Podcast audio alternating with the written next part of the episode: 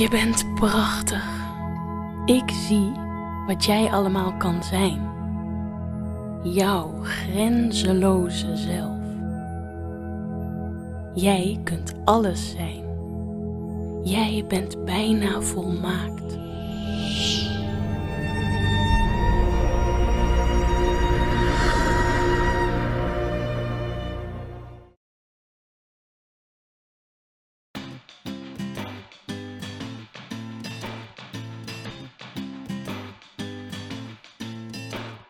Zijn ingeschakeld om dus een virtual reality film te maken.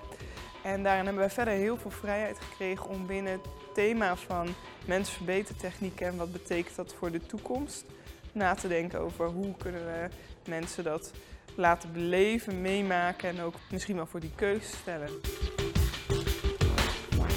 Waar film echt een focus heeft op eigenlijk één punt en helemaal jouw focus leidt, door eerst een totaal te geven, vervolgens in te zoomen, dat ene stukje, gelden die regels niet in virtual reality. Het is altijd helemaal om je heen.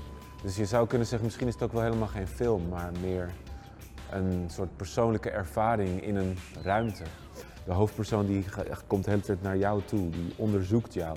Dit is eigenlijk constant een point of view. Ik kwam erbij om eh, Adam en Eva met dit onderwerp te mixen, omdat het is ook wel een beetje een soort scheppingsverhaal weer. Als je een beetje verdiept in eh, artificial intelligence en het logaritme wat steeds meer overneemt, dan, dan staan we op een soort, misschien wel op een soort beginpunt dat we op een gegeven moment eigenlijk allemaal onderdeel worden van één groot, in ieder geval technologisch systeem. Dat zou een, een nieuwe soort schepping kunnen zijn.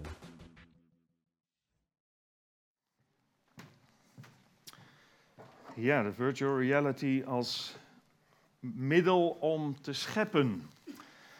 Ja, dat is het thema waar we vandaag bij stilstaan. En in de uitnodiging stond al virtual reality, leuk thema voor de Pinksterzondag. Maar wat heeft het te maken met Pinksteren? Nou, daar hopen we vandaag achter te komen. Virtual reality is hot. Ik weet niet of jullie eh, eh, daar net even hebben gekeken. Wie heeft al wel eens door zo'n bril eh, gekeken, zo'n virtual reality bril? Ja, dat worden er langzamerhand toch wel meer. Ja, nou, als je er straks uitloopt, heb je misschien nog even de kans om dat te doen. Of eh, door een virtual reality bril die daar ligt. Of die kartonnen dingen waar je eigen telefoon in kunt stoppen. Niet vergeten eruit te halen. We hebben al vijf telefoons extra nu aan de basis. Ehm, maar waardoor je even in een denkbeeldige, gecreëerde wereld kunt zijn. En ehm, ja, virtual reality, de mogelijkheden lijken bijna oneindig. Je ziet wat er nu al allemaal voor ontwikkeld wordt en hoe dat in de toekomst, in de toekomst ook een, een spurt zal nemen verder. Om een paar te noemen, in het onderwijs. Ehm, ze zien in de toekomst ja, geen leraar meer voor de klas, maar dat allemaal virtueel. Een hele klas vol met kinderen die, eh, of volwassenen die zo'n bril op hebben en op die manier zeg maar, onderwijs krijgen. In ziekenhuizen, gezondheidszorg. De eerste operatie is al uitgevoerd met virtual reality, waar ze dan met een 3D-camera je lichaam ingaan of zo. Ik weet niet hoe het werkt, maar in ieder geval daar even rustig kunnen rondkijken om te kijken wat er aan de hand is. Eh, geestelijke gezondheidszorg maakt er al gebruik van. Het omgaan met fobieën, met angsten. Bijvoorbeeld voor spinnen of hoogte of vliegen of wat dan ook. Als je niet meer in een echt vliegtuig te stappen, kun je allemaal middels die virtual reality kun je dat ervaren. In de entertainment, daar is het natuurlijk ook al helemaal hot. De, de spelletjes, de games, pretparken die een, virtual reality achtbaan hebben. Dat scheelt een hoop uh, lawaai en bouwen en kosten. Je zet mensen een bril op, je beweegt dat allemaal een beetje en je hebt dezelfde sensatie. In de mode, het ontwerpen, maar ook jezelf aankleden. Je, gaat, je doet een bril op, hier nog voor een beeldscherm, maar je doet een bril op en je kleedt jezelf helemaal aan op de manier waarop je wil. En dan druk je waarschijnlijk op de knop en koop je het.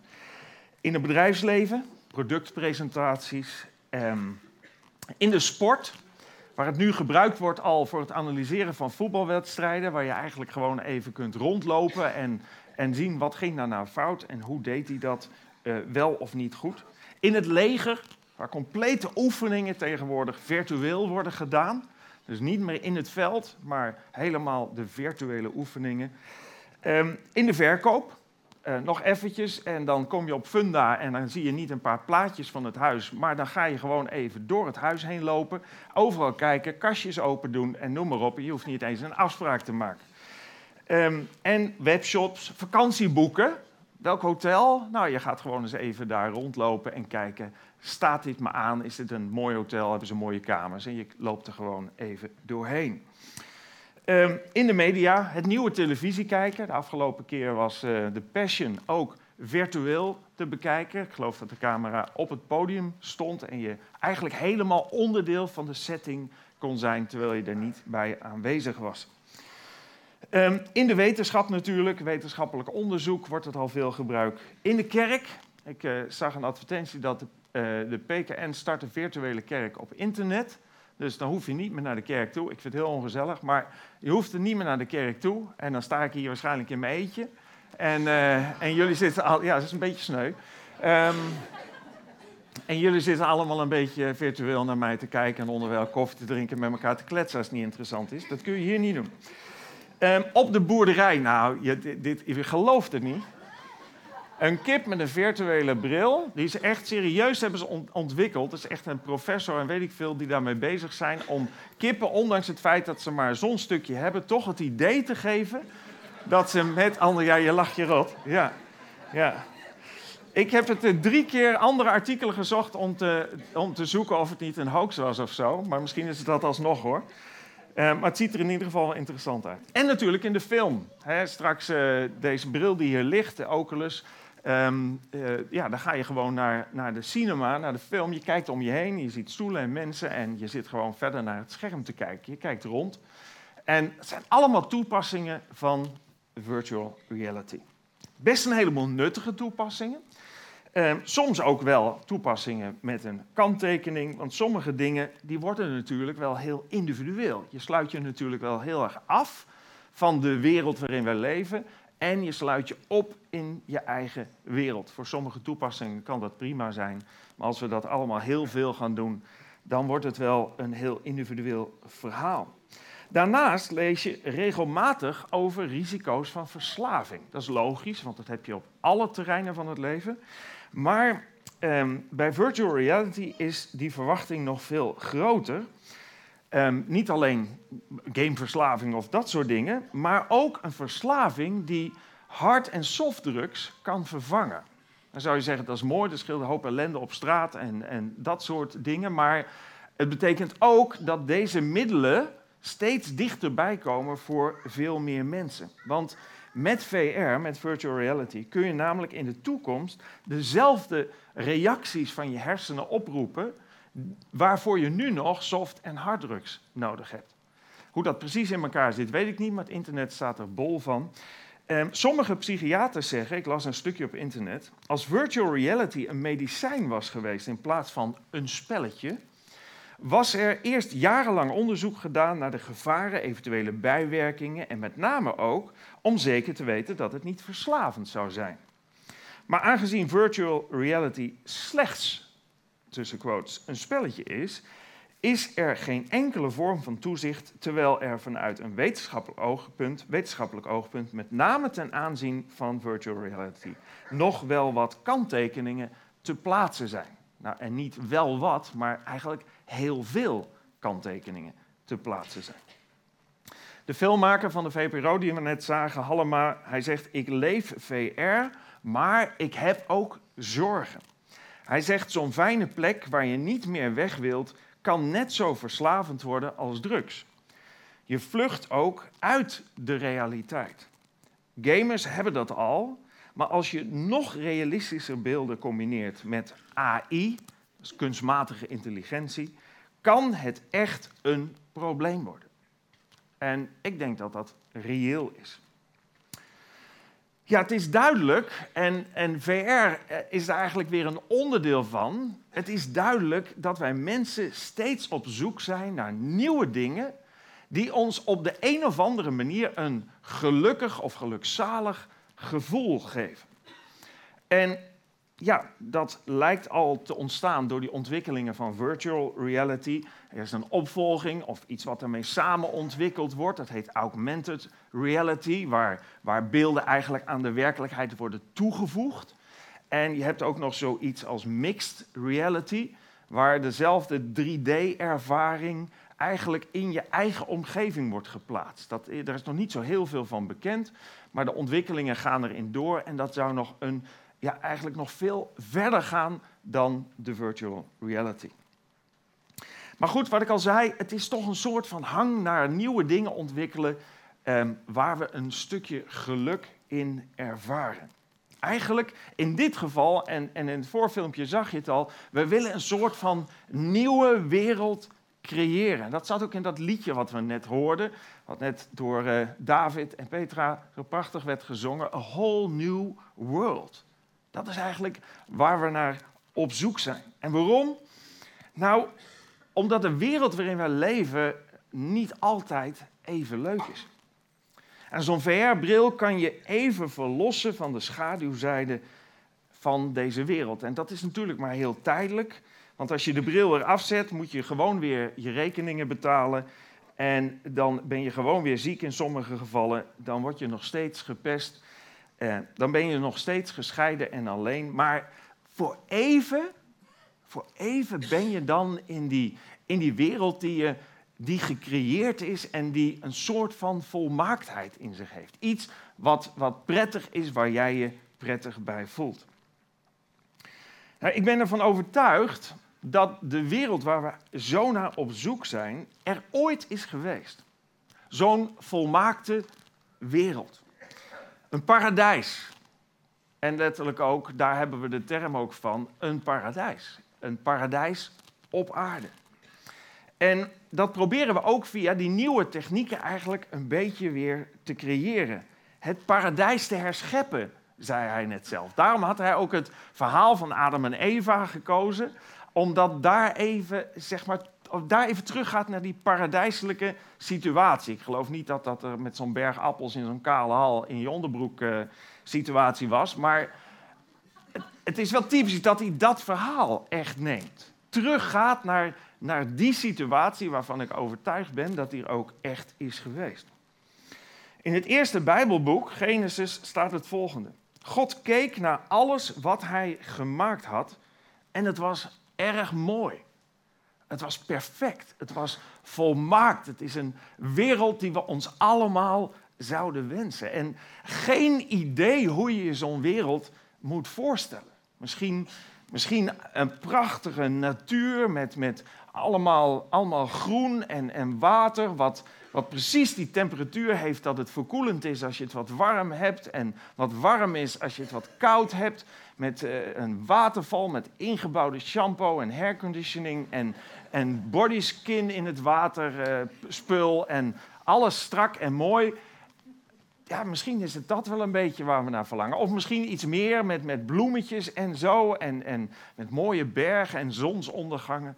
Voor anderen is het misschien een plaatje, die heb ik niet hoor, maar met mooie auto's of, of, of dat soort dingen. Maar in ieder geval, ja, een, een hoop mooie dingen zouden we ons erbij voor kunnen stellen.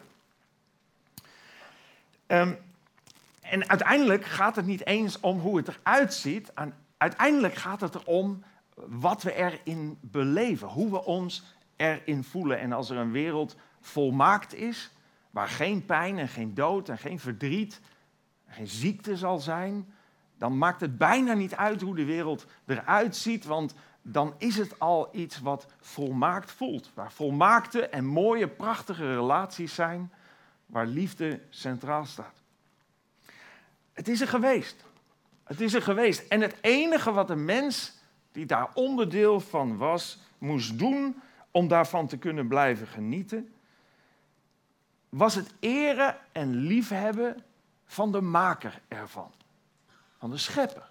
Ik geloof persoonlijk, een heleboel geloven dat hier, denk ik, dat God de schepper is van hemel en aarde.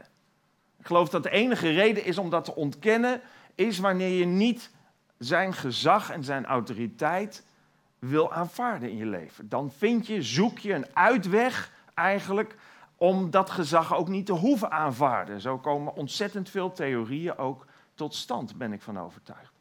Ik kan zelfs logisch niets anders bedenken dan dat er een ongelofelijke intelligentie en liefde ten grondslag ligt aan de wereld die ooit volmaakt is begonnen. En het enige nogmaals wat de mens die daarin leefde moest doen om daarvan te blijven genieten, was het eren en gehoorzamen en liefhebben van de maker, van de schepper, van God. Nu kun je alleen liefhebben als er ook een vrije wil is. En zonder dat kan liefde niet bestaan. Vandaar die ene boom, misschien heb je er wel eens van gehoord, in deze volmaakte wereld waarvan de vrucht niet mocht worden gegeten. Waarvan God expliciet zei, alles mag je van genieten, van alles mag je gebruik maken. Je mag eten en rusten en, en geniet van alle volmaaktheid. Maar die ene boom die daar staat, die op zich volmaakt is met een prachtige vrucht, daarvan mag je niet eten. Dat ging niet om die boom, dat ging erom dat de mens de keuze moest hebben om vanuit een vrije wil te kunnen kiezen. Want zonder vrije wil is er geen liefde. Dan zou de mens geprogrammeerd zijn om alleen dat te doen waarvoor die geprogrammeerd is. En daar ontstaan geen relaties. Je kunt met je computer ook geen relatie hebben. Sommigen proberen dat, maar dat kan niet. Want uiteindelijk is er geen liefde mogelijk, want het ding kan alleen maar doen wat je zegt dat hij moet doen. En het uit vrije wil respecteren van die ene regel zou een uitdrukking zijn van het aanvaarden van Gods autoriteit, van God als meerdere. Een uitdrukking van liefde voor God. Dat is wat God van de eerste mens heeft gevraagd. En dat bleek een sterke, maar ook een zwakke plek in deze prachtige wereld. Sterk omdat het liefde mogelijk maakt, zwak omdat de vrije wil natuurlijk, en daar is het ook voor, de mogelijkheid biedt om tegen God in te gaan. En God had gezegd, op de dag dat je van deze boom eet, zul je voorzeker sterven. Zul je stervende sterven. Zul je een sterveling worden.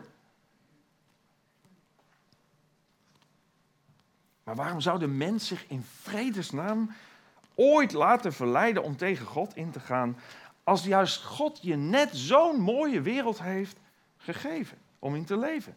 Wat blijft er dan nog te wensen over? Nou, het ontbrak de mens eigenlijk aan één ding.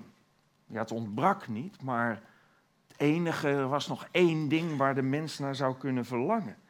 En dat was nu juist ook de zwakke plek waar de tegenstander van God handig gebruik van heeft gemaakt. Om de mens te verleiden, de mens te verleiden om tegen God in opstand te komen. En de Satan, de tegenstander van God, de slang, de duivel, vele namen in de Bijbel, ging in de gedaante van een slang met Eva in gesprek. Misschien heb je het verhaal gehoord, misschien ken je het, misschien heb je het honderd keer gehoord. En dan lezen we, hij zei tegen de vrouw, God heeft zeker gezegd dat jullie van geen enkele boom in de tuin mogen eten. Nou, dat was de eerste leugen waarvan hij wist dat het niet waar was. Maar het is wel een, goed, een, een, een goede starter om met iemand in gesprek te komen, want daar moet je natuurlijk op reageren. De vrouw antwoordde: We mogen van alle bomen in de tuin eten, behalve van de boom in het midden van de tuin. God heeft gezegd dat we die boom zelfs niet mogen aanraken, want anders zouden we sterven. Maar de slang zei: Sterven? Helemaal, je zult helemaal niet sterven. Integendeel, God weet dat jullie de ogen open zullen gaan zodra je ervan eet. Dan zul je aan Hem gelijk zijn en inzicht hebben in goed en kwaad. Dan zul je aan Hem gelijk zijn en inzicht hebben in goed en kwaad. Ja, dat was wat ontbrak. Dat was natuurlijk het enige waarmee de mens ook verleid kon worden. Gelijk te willen zijn aan God. Dat was een grote verleiding, bleek een grote verleiding voor de mens. En dan lezen we verder, de vrouw zag dat er heerlijke vruchten aan de boom hingen. Ze zagen er aanlokkelijk en veelbelovend uit. Door ervan te eten zou je verstandig kunnen worden. Daarom plukte ze wat vruchten van de boom en at ervan. Ook gaf ze wat aan haar man en hij at er eveneens van. Nou, misschien weet je hoe het verhaal eindigt. De mens werd niet gelijk aan God. Dat bleek een leugen. De mens werd wel uit het paradijs gezet en werd een van God afgesneden sterveling. Daar deed de dood en alles wat daarbij hoort zijn intrede. En kwam voortaan te leven in een wereld die onder de vloek van de zonde van de mens kwam. Een wereld waar gelukkig nog steeds mooie dingen kunnen bestaan, maar waar ook ziekte, angst, pijn, verdriet en het ergste, ook dood, onderdeel van is geworden. We zouden boos kunnen worden op Adam en Eva omdat ze dat hebben gedaan, omdat ze die ellende hebben veroorzaakt. Waar het niet dat wij allemaal dezelfde verleiding hebben en in dezelfde verleiding trappen om ons tegen God te keren. Niemand van ons heeft die verleiding weerstaan. We hebben ons allemaal laten verleiden eigenlijk hetzelfde te doen. God tezijde te schuiven, misschien al heel jong, misschien ouder, meestal ergens rond de puberteit, waarin onze eigen identiteit ontwikkeld wordt en, en we opstaan tegen de dingen van onze ouders, maar heel vaak ook opstaan tegen de dingen van, van God. Eigenlijk is het nummer A Whole New World uit de film Aladdin een weergave van deze verleiding. Het klinkt allemaal heel, heel mooi en, en, en heel zoetjes en heel liefdevol en warm. Maar toen ik de tekst een paar keer las, toen dacht ik, het is alsof je in Aladdin de slang hoort praten. Er zit een kern van verleiding in die heel veel overeenkomt met dat verhaal aan het begin van de Bijbel. En het is vast niet toevallig dat Aladdin een appel voor de prinses plukt. Je moet het filmpje nog maar eens thuis kijken. Maar heel zo ergens in het, onder het filmpje plukt hij een appel en hij geeft die appel aan haar. En dat niet alleen, maar geheel uit het niets, en het had niets te maken met het liedje, eindigt het nummer met een slang. Dit plaatje is het laatste plaatje wat je ziet als het nummer is afgelopen. Is dat toevallig of ligt er misschien meer in dit lied en zit er misschien inderdaad dat stukje verleiding in? Ja, je bent zelf waarschijnlijk nooit aangesproken door een slang.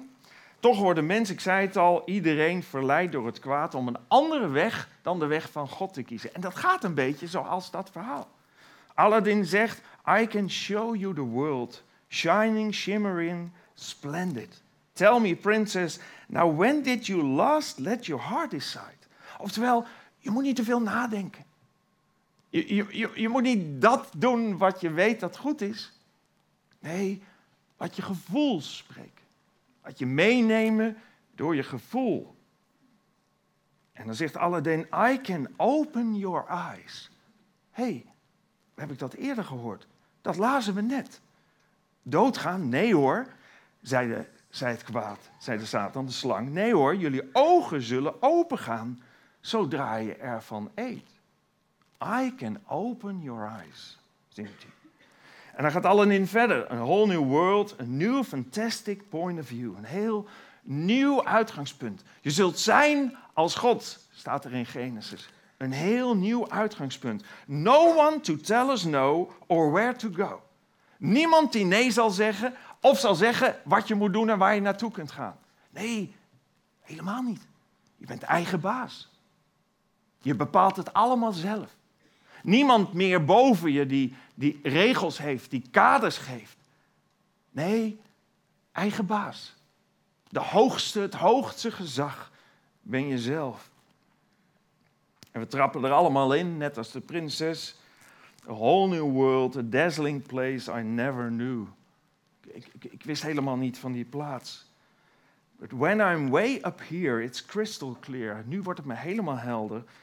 That I'm in a whole new world with you. Dat ik met jou in een hele nieuwe wereld ben, ben gekomen. En ik zou haar zeggen, wacht maar af tot je ontdekt wat die wereld is. En dan zingt ze nog, I am like a shooting star. Nou, dat klinkt positief, maar in ons geval vertalen we dat, ik ben een vallende ster. En dat is eigenlijk ook precies wat er met ons als mensen gebeurt. I've come so far, I can't go back to where I used to be. Ik, ik ben zo ver nu gekomen dat ik niet meer terug kan naar waar ik vandaan kwam. hey, dat is eigenlijk precies hetzelfde als in dat eerste Bijbelboek werd verteld. De mens die uit die wereld werd gestuurd, in een hele nieuwe wereld terechtkwam. Een wereld die een stuk minder positief was, maar net zo positief werd voorgesteld. En ik kan niet terug. En dat klopt. Ook de mens kon niet terug naar God, niet terug naar de verbinding met God. De weg was definitief afgesloten. Misschien vind je het ver gezocht. Ik zag een aantal parallellen. En in de Bijbel staat dat ook. Daarom verbande God de mens voor altijd uit de Hof van Eden en stuurde hem weg om het land te bewerken waar hij, waar hij was, waaruit hij was voortgekomen.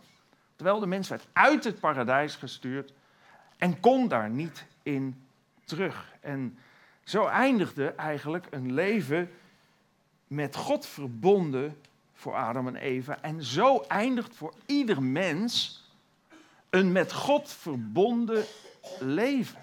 De Bijbel noemt dat zonde.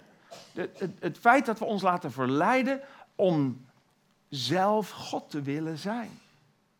Om zelf te bepalen wat goed en slecht is. Om zelf onze keuzes te maken. En nu? Ja, nu verlangen we naar die volmaakte wereld. Daar verlangen we allemaal naar. Ik ken jullie niet, dat zei ik net al, maar ik weet één ding zeker. We verlangen allemaal naar een volmaakte wereld. Want bijna iedere dag worden we geconfronteerd met de gebrokenheid in de wereld. Met het feit dat er zoveel stuk is. We zien het om ons heen of ervaren het aan de lijve. En dan is het misschien heerlijk om even zo'n virtual reality bril op te zetten. Om even uit die sores te zijn in die wereld die er zo mooi uitziet. Maar het lost niks op. En misschien willen we dan heel even wandelen in die volmaakte natuur. Of misschien praten met volmaakte virtuele vrienden die je nooit afvallen. Misschien willen we even vliegen in een vliegtuig of, of rijden in een sportwagen. Misschien willen we ons uiterlijk kunnen aanpassen of de mooiste kleding kunnen dragen. Of seks hebben met de mooiste mannen en vrouwen. Het kan allemaal in die virtuele wereld die eraan komt. Al deze dingen komen binnen handbereik. Maar één ding geeft het ons niet. En daarom zal het ook nooit bevredigend zijn. Zal het gewoon een tussenstapje blijven in onze zoektocht naar die volmaakte wereld. Want het geeft ons geen relatie waar liefde centraal staat. Terwijl we daar allemaal het meest naar verlangen. Onvoorwaardelijke liefde naar rust en vrede. Als je de bril afzet, dan is er weer geen rust. De bril afzet, is er weer geen vrede. Als je de bril afzet, is er weer geen hoop. En iedereen weet dat hoe lang je die bril ook ophoudt, je uiteindelijk toch doodgaat met bril. Als je hem ophoudt.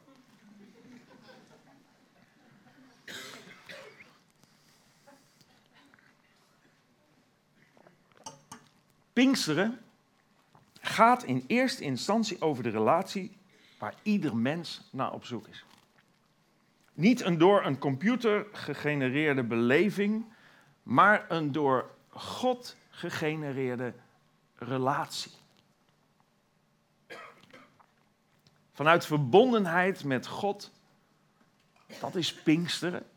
Pinksteren is dat je door Gods geest, door uit Hem in je het leven en de liefde te ontvangen, vanuit verbondenheid met God ga je deze wereld anders voelen.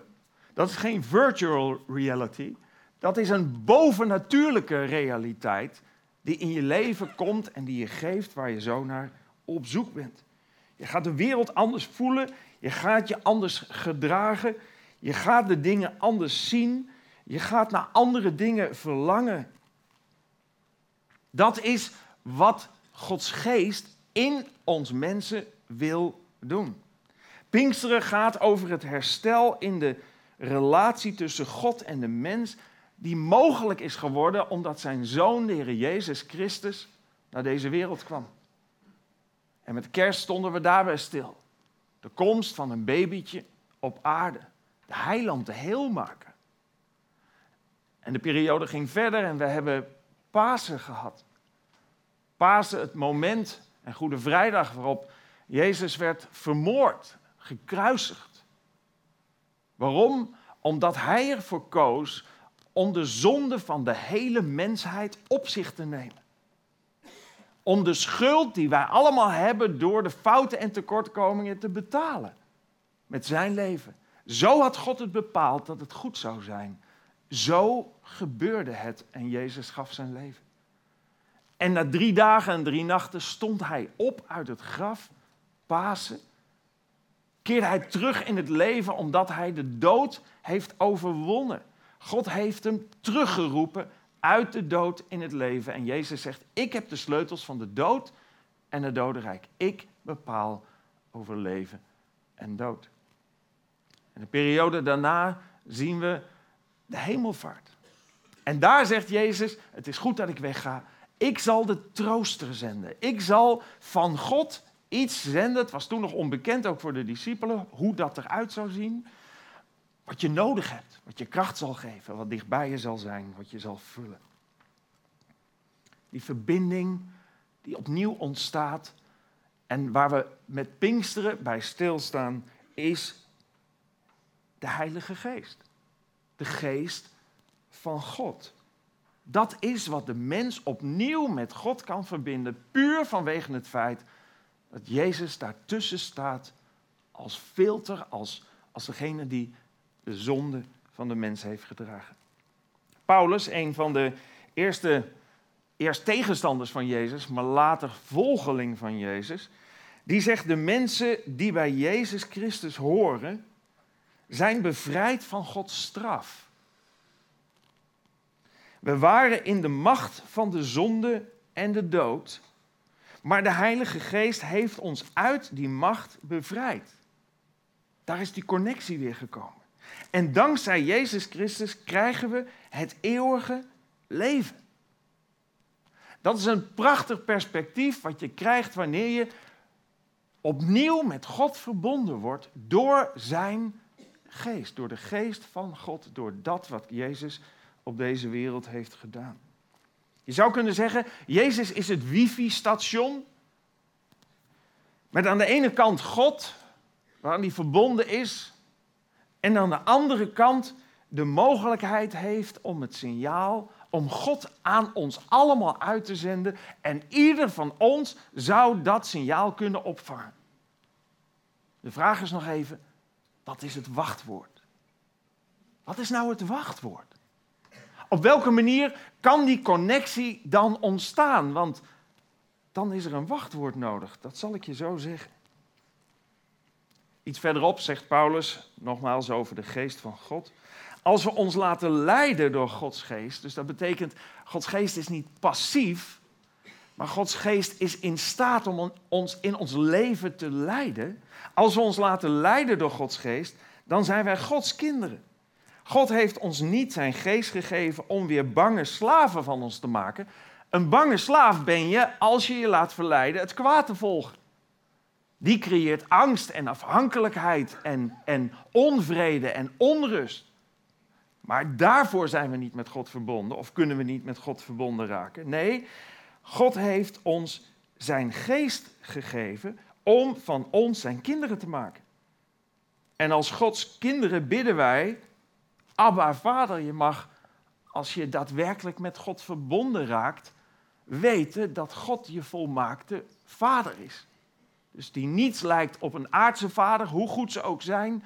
Ze kunnen, soms hoe slecht ze ook zijn, ze kunnen op geen enkele manier opboksen tegen de hemelse vader die een volmaakte vader voor ons allemaal wil zijn.